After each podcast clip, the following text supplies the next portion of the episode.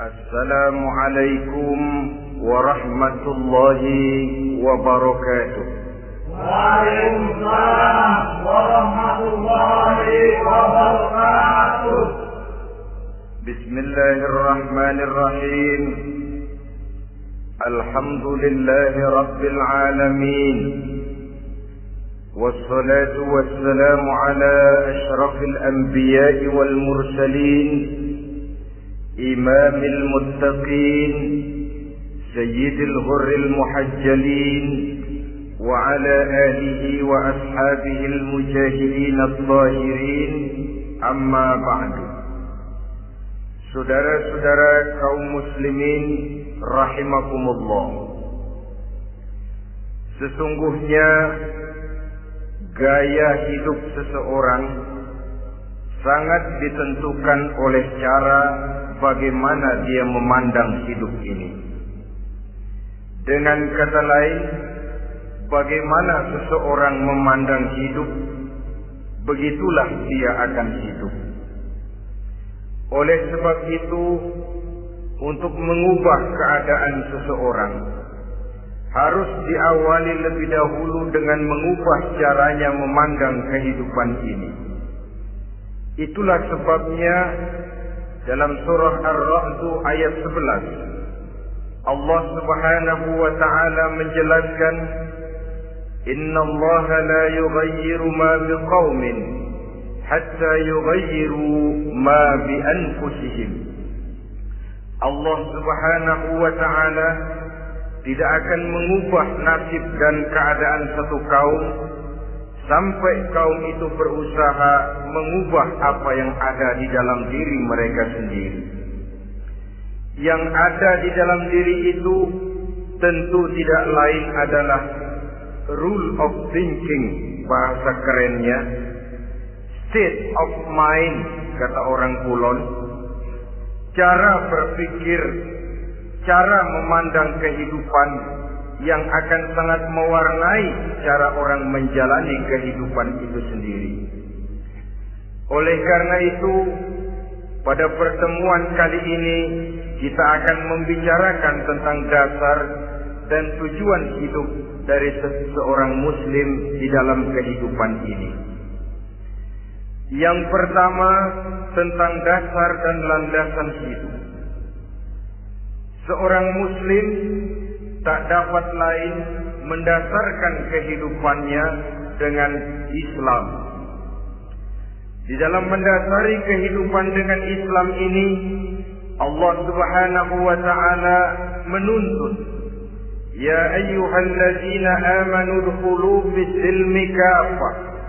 Hai orang-orang yang beriman, masuklah kamu ke dalam Islam itu secara total, secara utuh secara seluruhnya.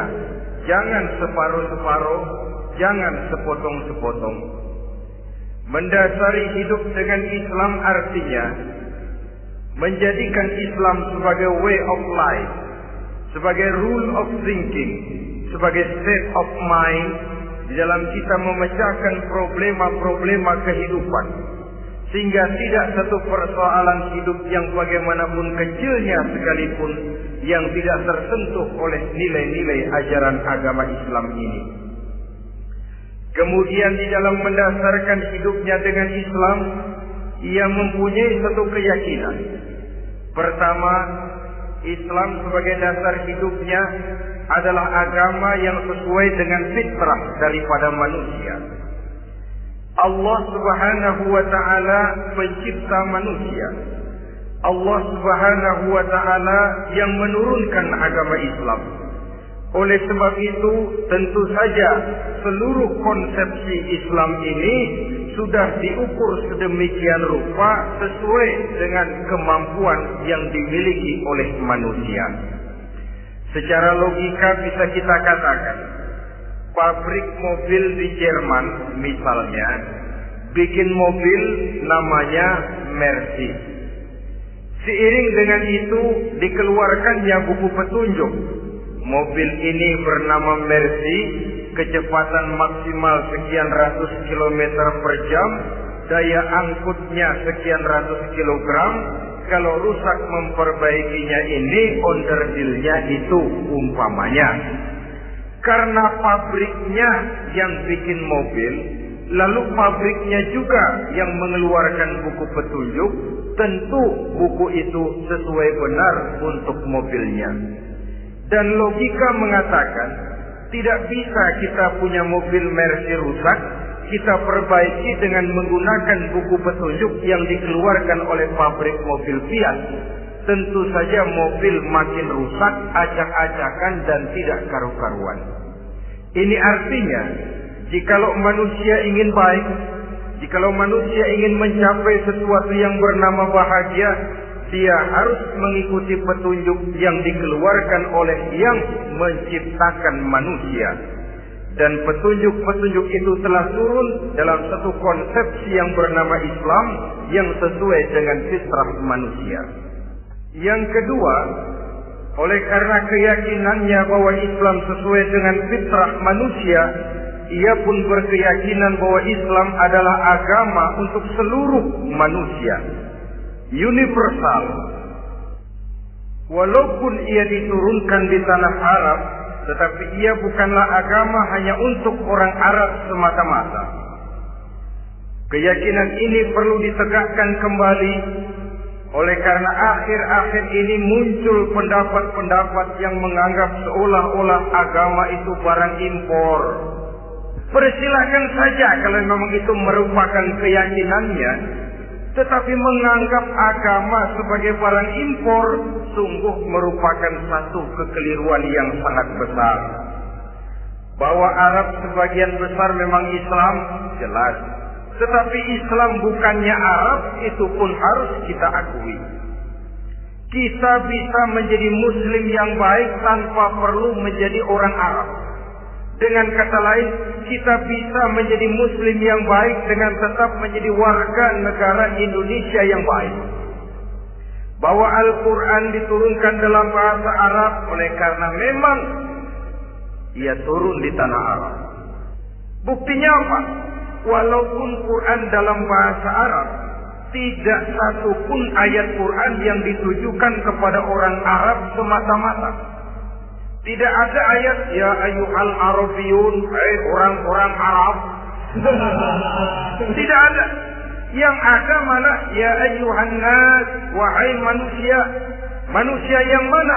Yang mana saja asal merasa manusia. Kalau tidak merasa manusia, tidak usah terpanggil dengan ayat tadi. Maka dalam mendasari hidup dengan Islam, kita berkeyakinan Islam adalah agama untuk seluruh manusia. Yang ketiga, di dalam mendasari hidup dengan Islam, kita berkeyakinan Islam adalah agama terakhir yang diturunkan kepada Rasul terakhir. Tidak ada Rasul dan Nabi sesudah Nabi Muhammad dan tidak ada agama lagi sesudah agama Islam. Dasar-dasar keyakinan ini melembaga dalam pribadi kita membentuk satu keyakinan yang mendasari kehidupan ini sehingga tidak satu problema yang bagaimanapun kecilnya dalam kehidupan yang tidak tersentuh oleh nilai-nilai Islam. Sejak kita tidur sampai kita bangun tidur, bahkan tidur itu sendiri dan seluruh kegiatan kehidupan yang kita laksanakan dalam 24 jam tidak satu pun yang tidak tersentuh oleh nilai-nilai Islam. Inilah pandangan hidup muslim. Jawaban seorang muslim terhadap problema-problema kehidupan yang dihadapinya yang di dalam menjawab problema itu ia Islam oriented. Berorientasi kepada nilai-nilai Islam. Apa kata Islam tentang pekerjaan yang dihadapinya? Halal kata Islam, halalah dia katakan. Haram kata Islam, haram dia katakan. Islam oriented. Barometer dalam perbuatannya tidak lain daripada nilai-nilai Islam itu sendiri. Dan kemudian di dalam mendasari kehidupan dengan Islam, ia berkeyakinan Islam adalah satu-satunya agama yang benar. Bahasa kerennya Islam is the single one, the true religion behind the God.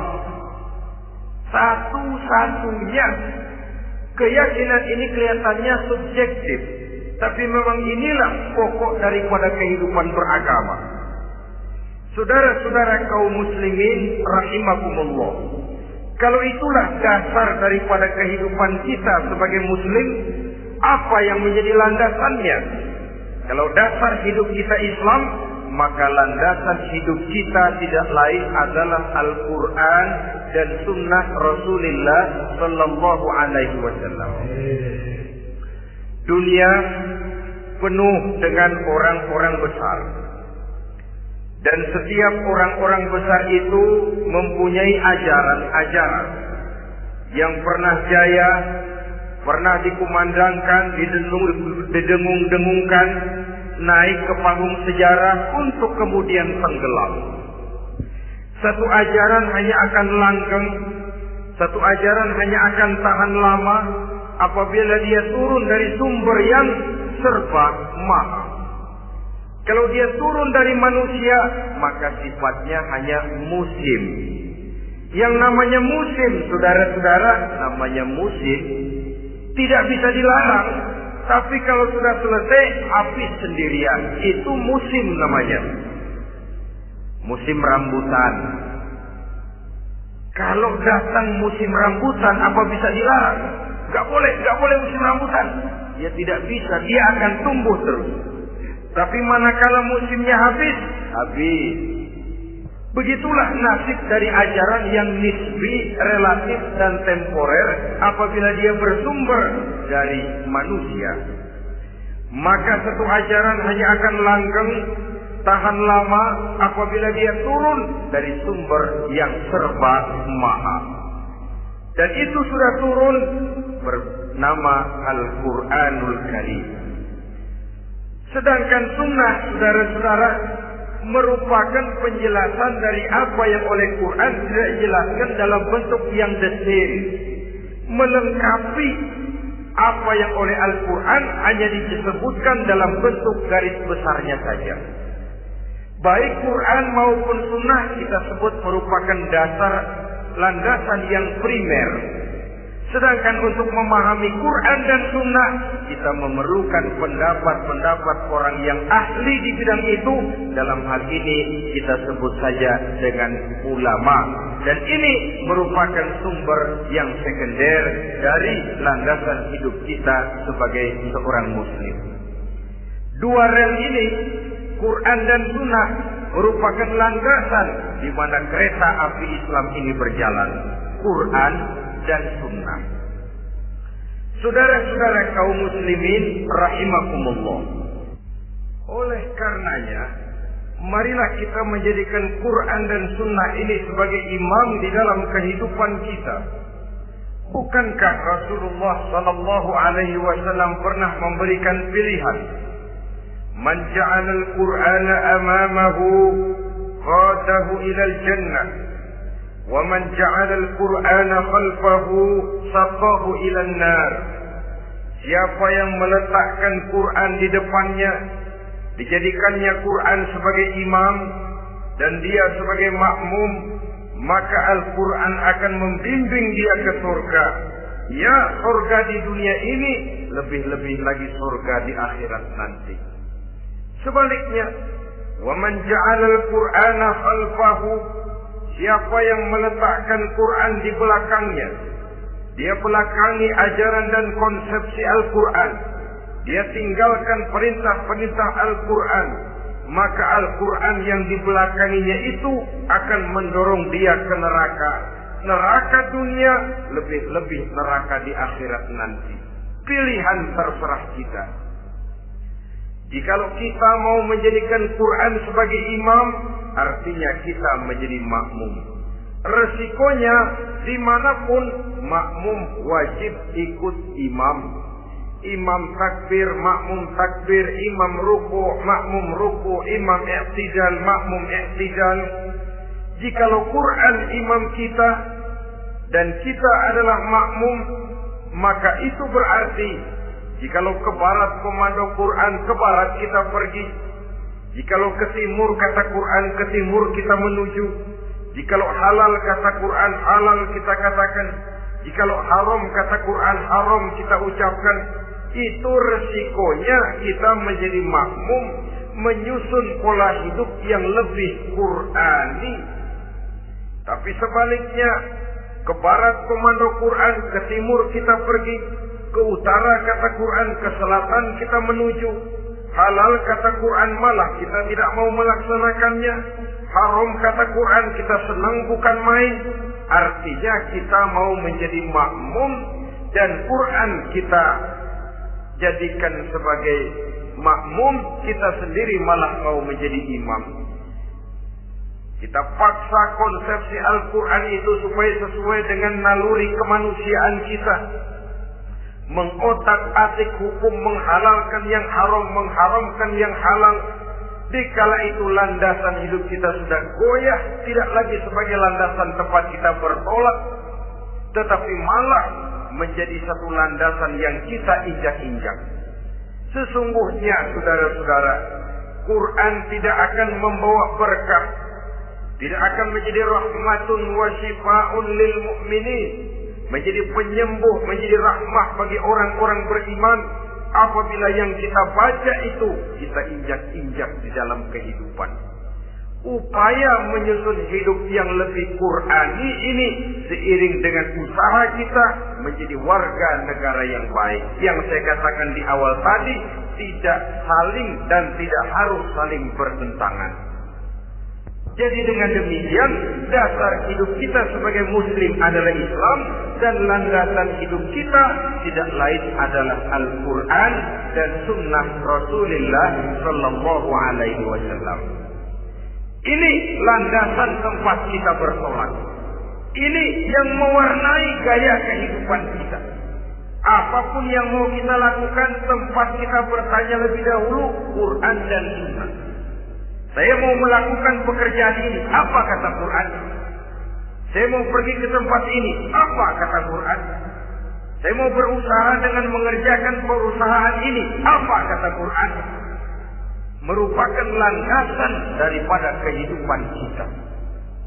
Ini yang saya katakan tadi membentuk rule of thinking, state of mind, bahwa gaya kehidupan kita diwarnai oleh landasan hidup yang bertumpu pada ajaran Al-Quranul Karim dan Sunnah Rasulullah Sallallahu Alaihi Wasallam. Baiklah ya, ini yang pertama tentang dasar dan landasan hidup. Yang kedua tentang tujuan hidup. Kalau sudah ada landasan tempat kita bertolak, lalu ke mana pantai yang akan kita tuju? Mau apa sih kita hidup ini? Berleha-leha, menjalani acara rutin, bangun tidur sampai tidur lagi, kemudian besok begitu lagi, sampai menunggu datangnya sang ajal, atau ada satu tujuan yang akan kita capai di dalam kehidupan ini. Apabila kita teliti, maka Al-Quran mengajarkan tujuan hidup setiap muslim pada dasarnya ada dua. Pertama, kita sebut saja tujuan jangka pendek. Tujuan jangka pendek itu sasarannya dunia sekarang ini. Bentuknya horizontal. Targetnya agar setiap pribadi muslim menjadi rahmatan lil alamin. Rahmat bagi lingkungannya. Inilah yang oleh agama dinamakan hablum minan nar yang isinya adalah ilmu dan peradaban. Jadi dunia dan seluruh isinya merupakan tujuan jangka pendek saja. Untuk mencapai tujuan jangka pendek, dunia dan seluruh isinya, unsur penunjangnya adalah pendidikan, pengalaman, atau nasib. Makin tinggi pendidikan, makin mudah menjangkau hidup. Makin banyak pengalaman, makin mudah menguasai dunia. atau karena faktor nasib. Pendidikannya tidak seberapa, pengalaman pun kadang-kadang jangkal, tapi karena nasibnya lagi hoki, kata orang sekarang, nasibnya lagi bagus, dia naik ke panggung memegang peranan. Faktor yang namanya nasib ini ada, tapi tidak bisa dijadikan sandaran untuk menjangkau dunia dan seluruh isinya unsur penunjangnya pertama pendidikan, yang kedua pengalaman, yang ketiga faktor nasib. Oleh karena itu, apabila kita ingin mudah mencapai dunia, yang pertama harus kita laksanakan bagaimana menempuh satu pendidikan. Di zaman sekarang orang terangsang untuk hidup dalam pola yang oleh orang-orang priangan disebut hardoli. Saudara tahu hardoli? Itu potongan dari dahar modal uli. Filsafat hidup yang pakaian mau bagus, makan mau enak, kerja nggak mau. Akhirnya Jadilah dia penghayal kelas berat. Tukang-tukang lamun kelas tinggi. Tiap hari kegiatannya ya cuma tidak terlepas dari tiga, tiga, tiga kriteria itu. Hardolis. Pokoknya kalau sudah dahar, modal, ulit. Besok, besok ya begitu lagi, begitu lagi. Pola dari di mana orang pakaian mau bagus, makan mau senang, duit mau punya, kerja tidak mau. Kadang-kadang mau kerja tapi tidak tahu apa yang harus dikerjakan. Ditambah oleh sempitnya lapangan pekerjaan. Tidak tahu apa yang harus dikerjakan dilatar belakangi oleh tidak adanya pendidikan yang dia terima. Jika mau kerja apa lalu bingung. Oleh karena itu terutama buat adik-adik remaja, para pemuda saya berpesan untuk menjangkau dunia yang pertama harus kita jalani bagaimana membina diri, mendidik, Taruh kata drop out, putus sekolah. Tapi drop out bukan halangan bagi tumbuhnya cita-cita yang mulia. Bahkan ada orang bilang many a great man start as a newspaper boy. Banyak orang-orang besar yang memulai pekerjaannya dagang koran. Putus sekolah bukan merupakan halangan bagi tumbuhnya cita-cita yang mulia. Dan tidak sedikit orang-orang besar yang tidak keluaran perguruan tinggi. Tidak sedikit orang-orang besar yang tidak merupakan produk dari perguruan tinggi tertentu. Tapi kerajinannya belajar, banyak membaca, banyak bergaul, autodidak. Syukur kalau masih bisa menempuh pendidikan yang formal kekurangan ekonomi, kemiskinan keluarga jangan menjadi penghalang bagi tumbuhnya cita-cita yang tinggi untuk menempuh karir pendidikan yang baik. Ini memang baik, tapi bagaimanapun kata orang lebih baik makan singkong beneran daripada makan roti ngimpi. Artinya jika memang perlu lebih baik sekolah sambil dagang koran, nyemir sepatu, parkir mobil, daripada hardolin itu tadi. Tanpa prospek hari depan yang ada artinya. Dan pendidikan memang merupakan sesuatu yang baik.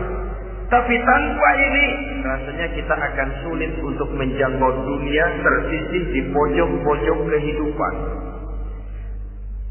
Jangan lalu bilang, ah manusia kan rezekinya sudah dijamin oleh Allah. Ayam saja ada rezekinya, Allah. Tapi jangan lupa, cara ayam cari rezeki dengan cara manusia cari rezeki lain. Kalau ayam cari rezeki dari tahun atu, modalnya cuma ceker sama patok kalau ayam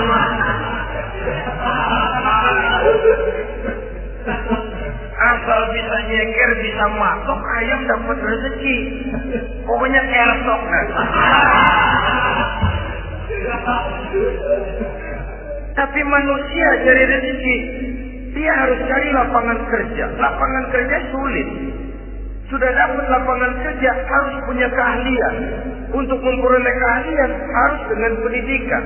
Berhadapan lagi dengan saingan-saingan karena pasaran tenaga kerja Setiap tahun puluhan kalau tidak ratusan ribu pasaran tenaga kerja yang masuk lapangan kerja. Ini kenyataan. Semakin ke depan oleh tingginya tensi ekonomi, oleh persaingan hidup yang makin tajam, oleh makin menggejalanya pola pikir industrialis yang membuat manusia individu, nilai-nilai semacam ini akan terasa makin berat. Oleh karenanya, tanpa pendidikan sulit untuk menjangkau dunia. Yang kedua pengalaman, tenaga-tenaga expert. Sehingga orang mengatakan experience is the best teacher. Pengalaman adalah guru yang paling bijaksana. Dengan pengalaman kita makin dewasa. Dan orang sering mengatakan kegagalan hakikatnya adalah keberhasilan yang tertunda. Jangan takut gagal, kalau itu akan mengantarkan kita kepada pola hidup yang lebih dewasa, lebih tegar, lebih sanggup menghadapi kesulitan-kesulitan. Dan faktor yang ketiga, nasib. Kadang-kadang orang pendidikannya tidak ada, kadang-kadang pengalamannya tidak seberapa, tapi karena nasib, engkongnya misalnya jadi komandan hansip, dia naik. Jadi anggota hansip. Itu karena faktor nasib saja.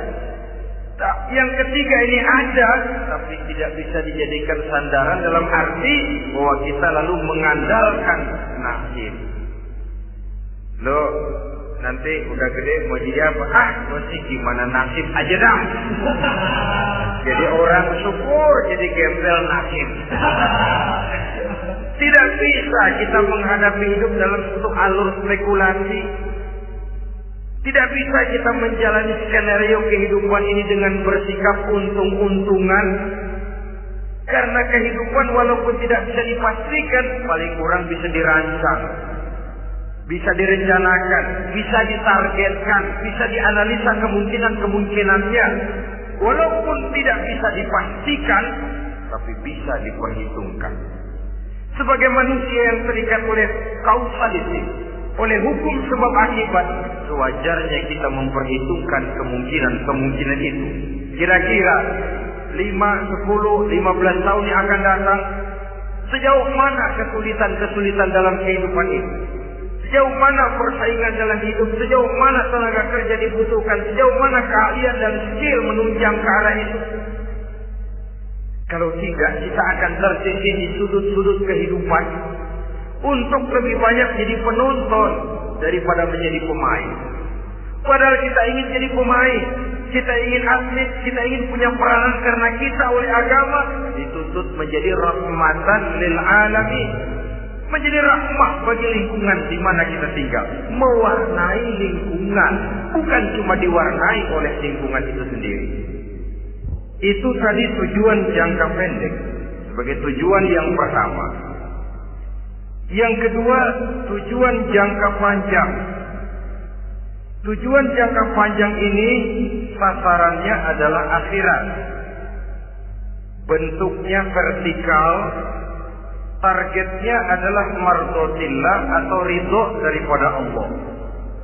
Dan ini yang oleh agama dinamakan dengan hablum minallah. Tali vertikal yang menghubungkan manusia langsung dengan Tuhannya. Untuk mencapai tujuan jangka panjang akhirat ini, unsur penunjangnya adalah prestasi ibadah. Kalau untuk tujuan jangka pendek, dunia dan seluruh isinya, pendidikan, pengalaman, dan nasib memegang peranan yang sangat penting, maka untuk akhirat, pendidikan, pengalaman, nasib tidak punya pengaruh banyak unsur penunjangnya adalah prestasi ibadah. Bagaimanapun tinggi pendidikan, bagaimanapun banyak pengalaman, tanpa prestasi ibadah, nol besar kita dalam pandangan Allah Subhanahu wa taala. Saudara-saudara kaum muslimin rahimakumullah. Itu sebabnya seorang muslim sholat, puasa, haji, zakat, yang kalaupun ada target dunia itu cuma side effect saja. Sekedar satu efek sampingan. Target utamanya tetap tujuan jangka panjang. Akhirat dan ridho Allah. Kenapa kita sholat? Untuk mencari ridho Allah. Kenapa kita laksanakan ibadah haji? Untuk mencari ridho Allah. Kita bangun di keheningan malam untuk mencari ridho Allah. Kalau ada akibat dunia itu cuma akibat sekunder saja. Ada misalnya orang karena tekun ibadah rezekinya lancar, itu baru baru persekot. Baru tanda jadi. Kadang-kadang persekotnya saja sudah nikmat kok, apalagi cashnya, kontannya. Sebaliknya kalau ada orang rajin ibadah, rezekinya seret, jangan jadi alasan. Kok lu nggak sembahyang? Allah tetangga gua rajin sembahyang melarang terus. Ya memang sholat itu bukan dengan target dunia, target akhirat, saudara-saudara. Oleh sebab itu, seorang muslim adalah seorang yang berpandangan luas, berjiwa lapang. Maksudnya apa? Tujuan jangka pendek dan jangka panjang ini harus dia raih kedua-duanya. Ini yang oleh Al-Quran diajarkan agar setiap muslim mencapai di dunia hasanah wa fil akhirati hasanah. Kebaikan di dunia, kebaikan di akhirat. Itu arti hasanah. Jangan macam orang dulu punya istri dua pergi haji. Yang satu yang muda istrinya namanya Hasanah. Yang satu namanya Khadijah. Waktu tawaf keliling Ka'bah, si suami ini nggak bisa doa apa-apa kecuali Robbana atina itu. Tiap putaran Rabbana atina fid dunya hasanah wa fil akhirati hasanah. Putaran kedua Rabbana atina fid dunya hasanah wa fil akhirati hasanah. Ini istri tuanya yang namanya Khadijah dengerin aja. Akhirnya di satu saat dia colek suaminya, "Bang, mentang-mentang Hasanah bini muda disebutin melulu. Saya dong disebutin dalam doa. Iya deh, ntar putaran selanjutnya. Suaminya blow on juga.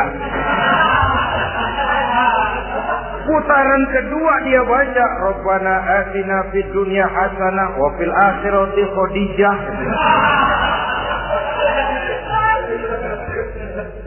Saudara-saudara, itu makna refleksi daripada doa tadi itu, doa sapu jagat.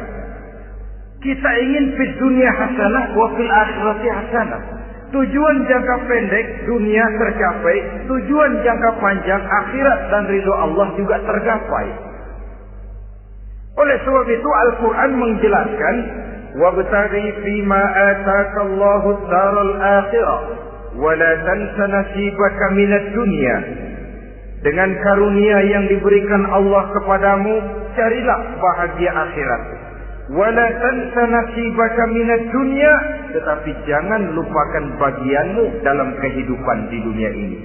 Cari akhirat utamakan akhirat dengan tidak usah melupakan jasamu di dunia. Kenapa saya katakan seorang muslim berjiwa besar? Sebab andai kata dia gagal mencapai tujuan jangka pendek, andai kata dia gagal di dunia, dan dia oleh Islam diajarkan jangan sampai gagal, tapi andai kata dia gagal, dia masih punya tujuan jangka panjang, akhirat dan ridho Allah. Dia masih bisa menghibur diri. Biarlah di dunia kita sederhana. Bahkan biarlah susah di dunia. Asal di akhirat kita bahagia. Orang yang tidak punya pandangan hidup semacam ini. Surgalah dunia ini. Segalanya telah tertumpu di sini. Bila umurnya selesai, ajalnya datang, selesai sudah surganya sampai di situ. Dan dia tidak punya pengharapan lain di belakang itu. Maka seluruhnya bertumpu pada kehidupan di dunia. Padahal dunia seperti air laut. Makin diminum, makin haus, makin kering tenggorokan. Dunia yang diperturutkan menyeret manusia ke dalam lingkaran setan terjebak dalam sifat yang namanya tamak bin rakus alias serakah.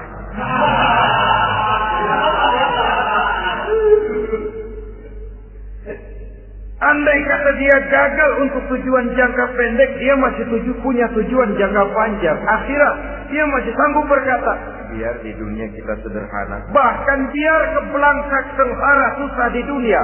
Asal di akhirat kita bisa bahagia. Kan masih ada, masih ada harapan. Yang paling bangpak. paling rusak betul. Sudah di dunia sengsara, di akhirat celaka. Jadi dunia rumahnya gubuk. Pinggir kali miring. Asal hujan bocor. Utang selebar warung.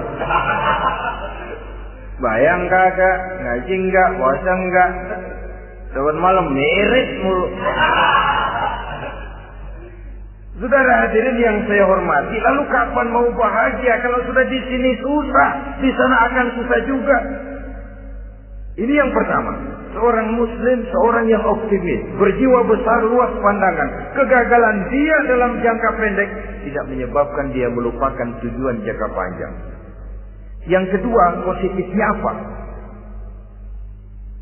Cara dia mencapai tujuan jangka pendek diwarnai oleh keyakinan adanya tujuan jangka panjang. Dia memang benar cari harta, tapi karena dia yakin ada akhirat, Allah ridho apa tidak? Ini positifnya. Saya memang cari duit, tapi dengan cara ini Allah ridho apa tidak? Saya memang ingin berpakaian yang rapi, tapi dengan tidak menutup aurat begini, Allah ridho atau tidak? Saya memang bergaul menghormati teman, tapi terjebak dalam minuman keras karena menghormati teman, Allah ridho apa tidak? Ini orang yang punya tujuan jangka panjang. Segalanya diberikan bingkai dengan pertanyaan Allah ridho atau tidak.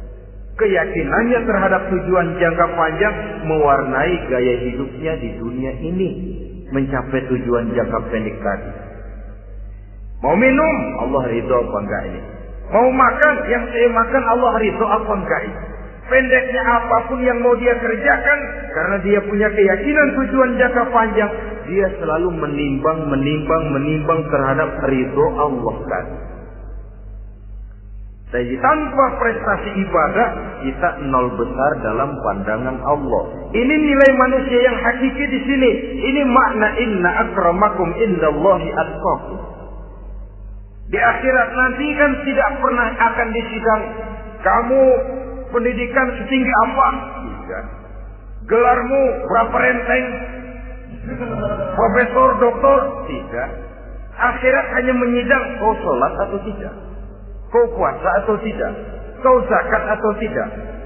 Diberikan kamu harta yang banyak dari mana kau dapat, ke mana kau belanjakan? Prestasi ibadah itu yang ditanya.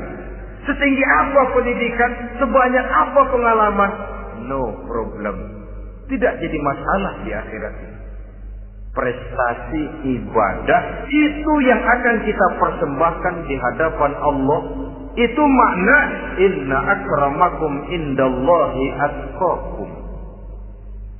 Kerbau dinilai dari dagingnya makin gemuk makin mahal harganya. Tapi ada perkutut lebih mahal dari kerbau. Perkutut itu mahalan mentahnya loh daripada matangnya. Karena harga perkutut pada suaranya. Lalu di mana harga manusia yang paling gemuk? Tidak. Suaranya, oh kalau manusia dinilai dari suaranya, barangkali Medona nomor awal masuk surga. Hanyalah dengan prestasi ibadah kita bisa mencapai tujuan jangka panjang akhirat dan ridho Allah. Nah, baiklah ya. Kalau sudah jelas bahwa kita punya dua, dua tujuan jangka hidup, jangka pendek dan jangka panjang, bagaimana Islam mengajarkan kita meraih dua ini?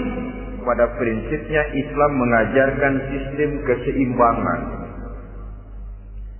Dalam berbagai aspek kehidupan, keseimbangan ini nampak dengan nyata diajarkan oleh agama kita. Seperti ayat yang saya bacakan tadi. dengan karunia yang diberikan Allah kepadamu, cari negeri akhirat, tapi jangan lupakan bagianmu di dunia ini. Dalam bentuk yang lebih nyata, bekerjalah untuk duniamu seolah kau akan hidup buat selamanya, tapi bekerjalah buat akhiratmu seolah kau akan mati besok. Manifestasinya dalam kehidupan misalnya orang kaya diperintah membantu yang miskin, tapi orang miskin dianjurkan berusaha. Jangan mengandalkan hidup kepada yang kaya, seimbang.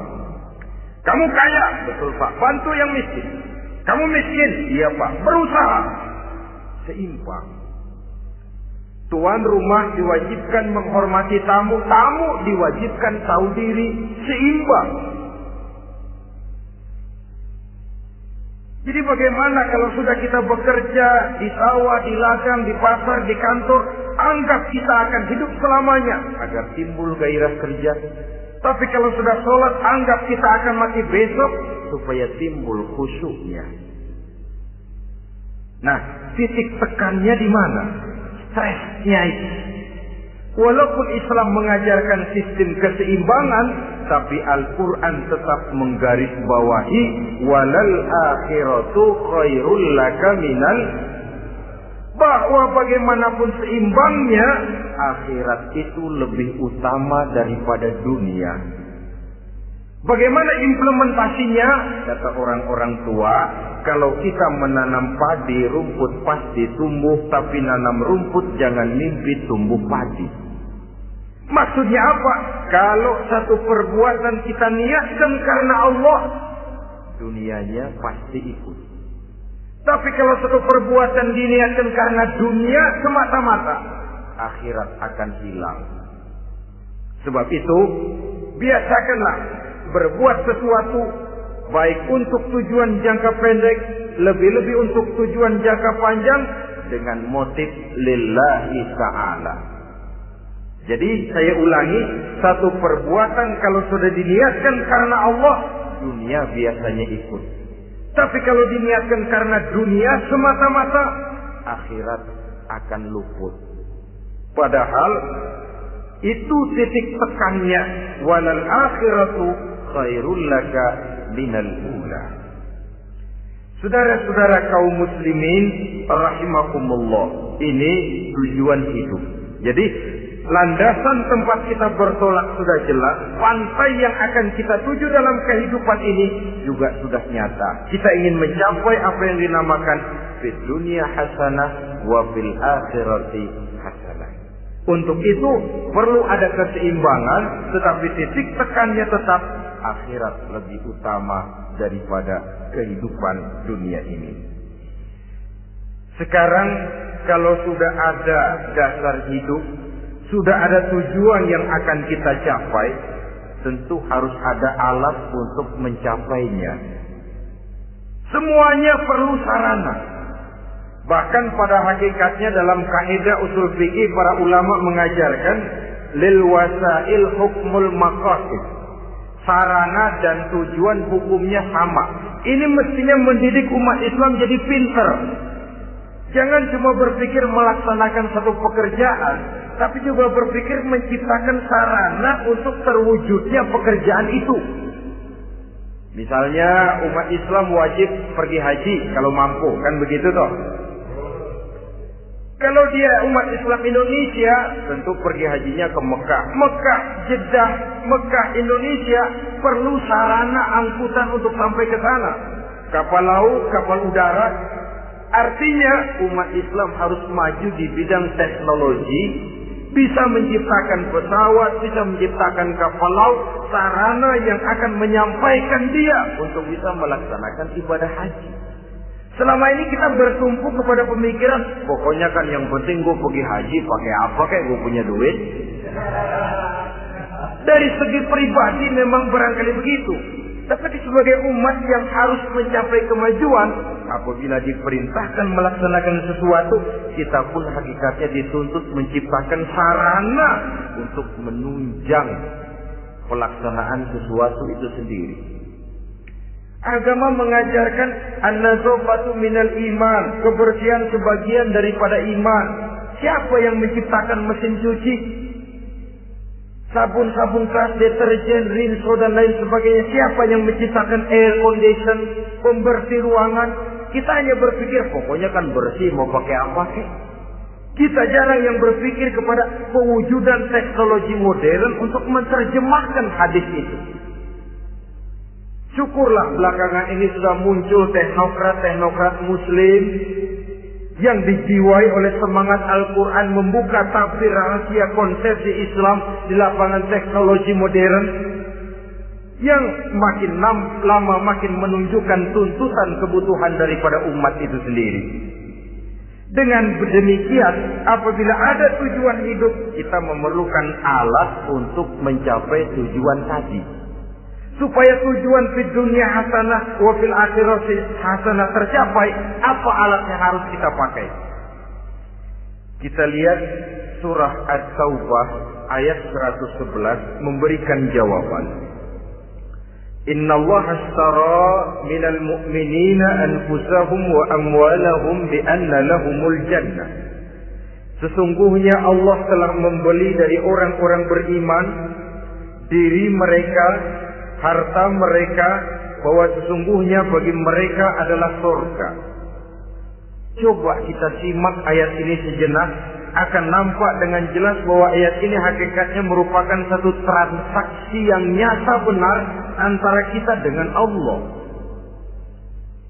Transaksi jual beli sudah terjadi dan itu langsung dengan Allah tertuang dalam pernyataan Quran pembeli Allah, penjual kita orang-orang beriman.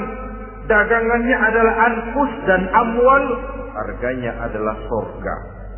Itu sudah tanda tangan pernyataan kita siap jual beli ya Allah. Apalagi bayat kita apa? Inna solati wa nusuki wa mahyaya wa mamati lillahi rabbil alamin. Solatku, ibadahku, hidup dan matiku cuma untuk Allah Tuhan seluruh sekalian alam. Minimalnya lima kali sehari semalam bayat ini kita ulang, kita ulang, dan kita ulang. Kenapa lalu kita tidak konsekuen? Dalam konteksnya dengan persoalan, maka alat hidup kita itu ada dua. Pertama, anfus ini bentuk mufrad dari jamaknya, bentuk jamak dari mufrad nafsun. Biasa diterjemahkan dengan diri. Yang dimaksud dengan diri adalah kepribadian. Yang dimaksud dengan kepribadian ialah kekayaan yang kita miliki dalam kepribadian kita. Artinya bisa tenaga, pikiran, konsep, gagasan, wewenang, ide, pangkat, jabatan, kemampuan, keahlian, skill itu semuanya masuk ke dalam anfus. Diri. Sedangkan amwal bentuk jamak dari mufrad malun biasa diterjemahkan dengan harta. Pengertian di sini ialah seluruh bentuk-bentuk materi yang berada di bawah kekuasaan kita. Bisa rumah, bisa uang, bisa tanah, bisa kebun, bisa pabrik, bisa peternakan, itu semuanya amwal. Nah, baik anfus maupun amwal diri, tenaga ke, pikiran ke, harta ke, pangkat ke, jabatan ke, wewenang ke, keahlian ke, untuk tujuan jangka pendek harus jadi rahmah bagi lingkungan. Untuk tujuan jangka panjang harus menunjang jalan menuju ridho Allah. Jadi kalau pangkat kita menjauhkan kita dari ridho Allah, itu bukan nikmat tuh. Azab punya pangkat bukan melakukan kebaikan malah melakukan kejahatan. Setidak-tidaknya berdiri di belakang kejahatan. Melindungi perbuatan-perbuatan munkar. Dalam kelas kakap melindungi korupsi. Dalam kelas teri jadi backing tukang oprok. Umpamanya umpamanya itu sudah menyalahi alat tidak digunakan untuk mencapai tujuan. Itu untuk tujuan jangka pendek. Lalu amwal, harta, uang, tanah, rumah, kebun untuk tujuan jangka pendek harus menjadi rahmah bagi lingkungan.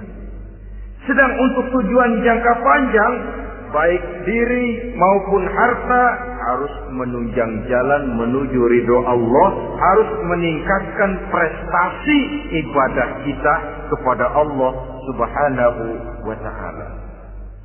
Malah yang namanya amwal ini tanggung jawabnya lebih berat loh, Saudara. Kalau saudara diberikan ilmu sidang akhirat cuma satu, ilmu kau amalkan untuk apa? Saudara diberikan umur panjang, pengadilan akhirat cuma bertanya satu, umurmu kau habiskan di mana? Tapi saudara diberikan harta, pertanyaan akhirat dua, hartamu kau dapat dari mana? Kau belanjakan ke mana? Dari mananya dan ke mananya ditanya, depan belakang. Sebab kadang-kadang kan ada orang hartanya didapat dari jalan yang halal dibelanjakan di jalan haram. Kerja peras keringat banting tulang setengah mati. Begitu dapat duit beli buntutan.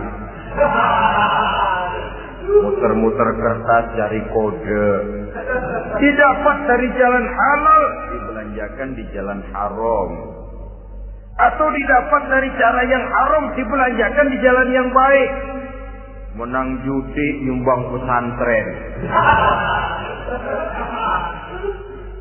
Nabi mengajarkan innallaha thayyibun la yaqbalu illa thayyib. Allah itu baik dan hanya menerima yang baik-baik saja. Tidak bisa mencuci kain dengan air najis. Kain akan tetap kotor. Saudara-saudara kaum muslimin rahimakumullah. Oleh karenanya masalahnya terpulang kepada kita, pandai-pandailah membagi orientasi. Suatu saat tenggelam kita dalam kesibukan dunia dan seluruh isinya untuk mencapai tujuan jangka pendek.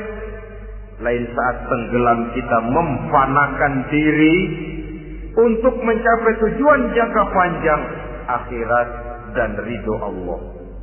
Karena kehidupan ini bukan berjalan tanpa batas. Umur ini bukan satu karunia tanpa pertanggungan jawab. Satu saat setuju atau tidak, rela atau terpaksa, kita akan sampai kepada garis finish daripada perjalanan kehidupan dunia ini. Yang memang merupakan satu perjalanan panjang, a walking tall. Kata orang kulon, a walking tall, satu jalan yang demikian jauhnya. Entah kita akan sampai ke garis finish. Bila datang ajal, senja kehidupan datang, malam menyelimuti. Datangnya tidak pernah kita sangka, tapi sekali dia datang, tidak satu kekuatan yang bisa menolak. Kehadirannya tidak pernah kita harapkan, tapi satu kali dia datang, datang bertamu, pasti terjadi. Dan itu pasti akan kita temui. Alangkah malangnya pada saat kembali itu datang, kita tidak punya prestasi ibadah. Lalu apa artinya prestasi dunia? Apa artinya tujuan jangka pendek kalau kita harus kehilangan tujuan jangka panjang? Rumah kita yang besar, pangkat kita yang tinggi, harta kita yang banyak, bisakah menolong kita untuk kalau sudah kumpul di padang mahsyar nanti Malaikat jangan kebukin saya, rumah saya harga 2 miliar.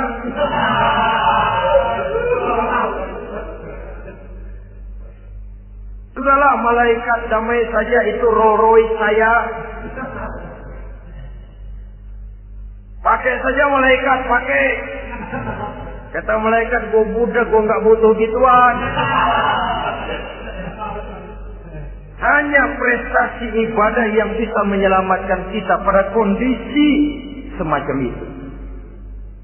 Jadi oleh karena itu saudara-saudara biar, biar, biar di dunia ini rumah kita besar, mobil bagus, uang banyak, pabrik ada, usaha lancar asal di akhirat masuk surga aja.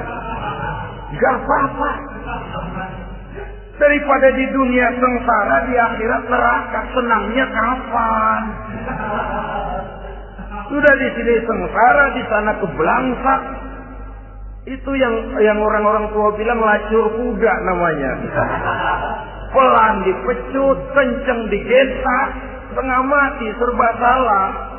Udah kalau bisa ngomong, gue setengah mati, serba salah. Pelan dipecut, kekencengan ditarik, itu yang namanya lacur kuda begitu. Serba salah posisinya. Untuk itu, pandai-pandailah membagi orientasi. Supaya tercapai tujuan ideal ini, di dunia hasanah, wa fil akhirati hasanah. Ini tentang tujuan hidup. Nah, untuk mencapai tujuan ini, kita tidak berjalan sendiri. Kita perlu teman hidup. Di samping teman hidup, ada pula lawan hidup. Siapa teman hidup kita untuk mencapai tujuan hidup ini? Dalam arti sempit, teman hidup kita suami istri yang taat kepada Allah. Suami istri lebih dari sekedar satu pasangan juga saling melengkapi, merupakan bagian daripada kehidupan. Suami adalah teman istri, istri adalah teman suami untuk mencapai tujuan hidup tadi. Mencapai di dunia hasanah, wa fil akhirati hasanah. Seiring, seirama, selaras, serasi, seimbang, kata orang sekarang. Teman dalam arti sempit. Adapun teman dalam arti luas, setiap orang yang pandangan hidupnya sama dengan kita. Setiap orang yang akidahnya sama dengan kita. Terlepas dari suku bangsa apa pun, warna kulit apa pun, bahasa apa pun. Jikalau keyakinannya sama, pandangan hidupnya sama, dia adalah saudara kita dalam artian yang luas. Islam tidak kenal teritorial. Maka tidak ada itu Islam Jepang, Ya walaupun secara formalnya ada, tapi informal muslim adalah muslim, diikat dengan akidah. Itu teman hidup. Lalu lawan hidup siapa? Pertama iblis. Dalam segala bentuk dan implementasinya. Yang kedua, setiap orang yang pandangan hidupnya tidak sama dengan kita. Secara ideologis, itulah lawan hidup kita. Maka yang teman jadikan teman, yang lawan jadikan lawan. Jangan teman dijadikan lawan, lawan dijadikan teman. Itu namanya kopiah dipasang di kaki, pak yang naik ke jidat. Wajar kalau kepala lalu jadi benjol. Salah milih teman, salah jadi lawan. Salah milih teman, salah jadi lawan. Akibatnya kita yang akan susah di kemudian hari nanti. Saudara-saudara kaum muslimin rahimakumullah, oleh karenanya pandai-pandailah dalam hidup ini. Yang teman jadikan teman, yang lawan jadikan lawan. Kalau lawan kita jadikan teman, sementara teman kita jadikan lawan dan itu yang banyak terjadi dalam praktek kehidupan, kita tidak akan bisa mencapai tujuan karena akan tertarung di kaki sendiri. Nah, ini sajalah yang kita bicarakan pada pertemuan kali ini. Mudah-mudahan ada manfaatnya. Terima kasih atas segala perhatian. Mohon maaf atas segala kekurangan. Uzikum wa nafsi bitaqwallah. Wassalamualaikum warahmatullahi wabarakatuh. Waalaikumsalam warahmatullahi wabarakatuh.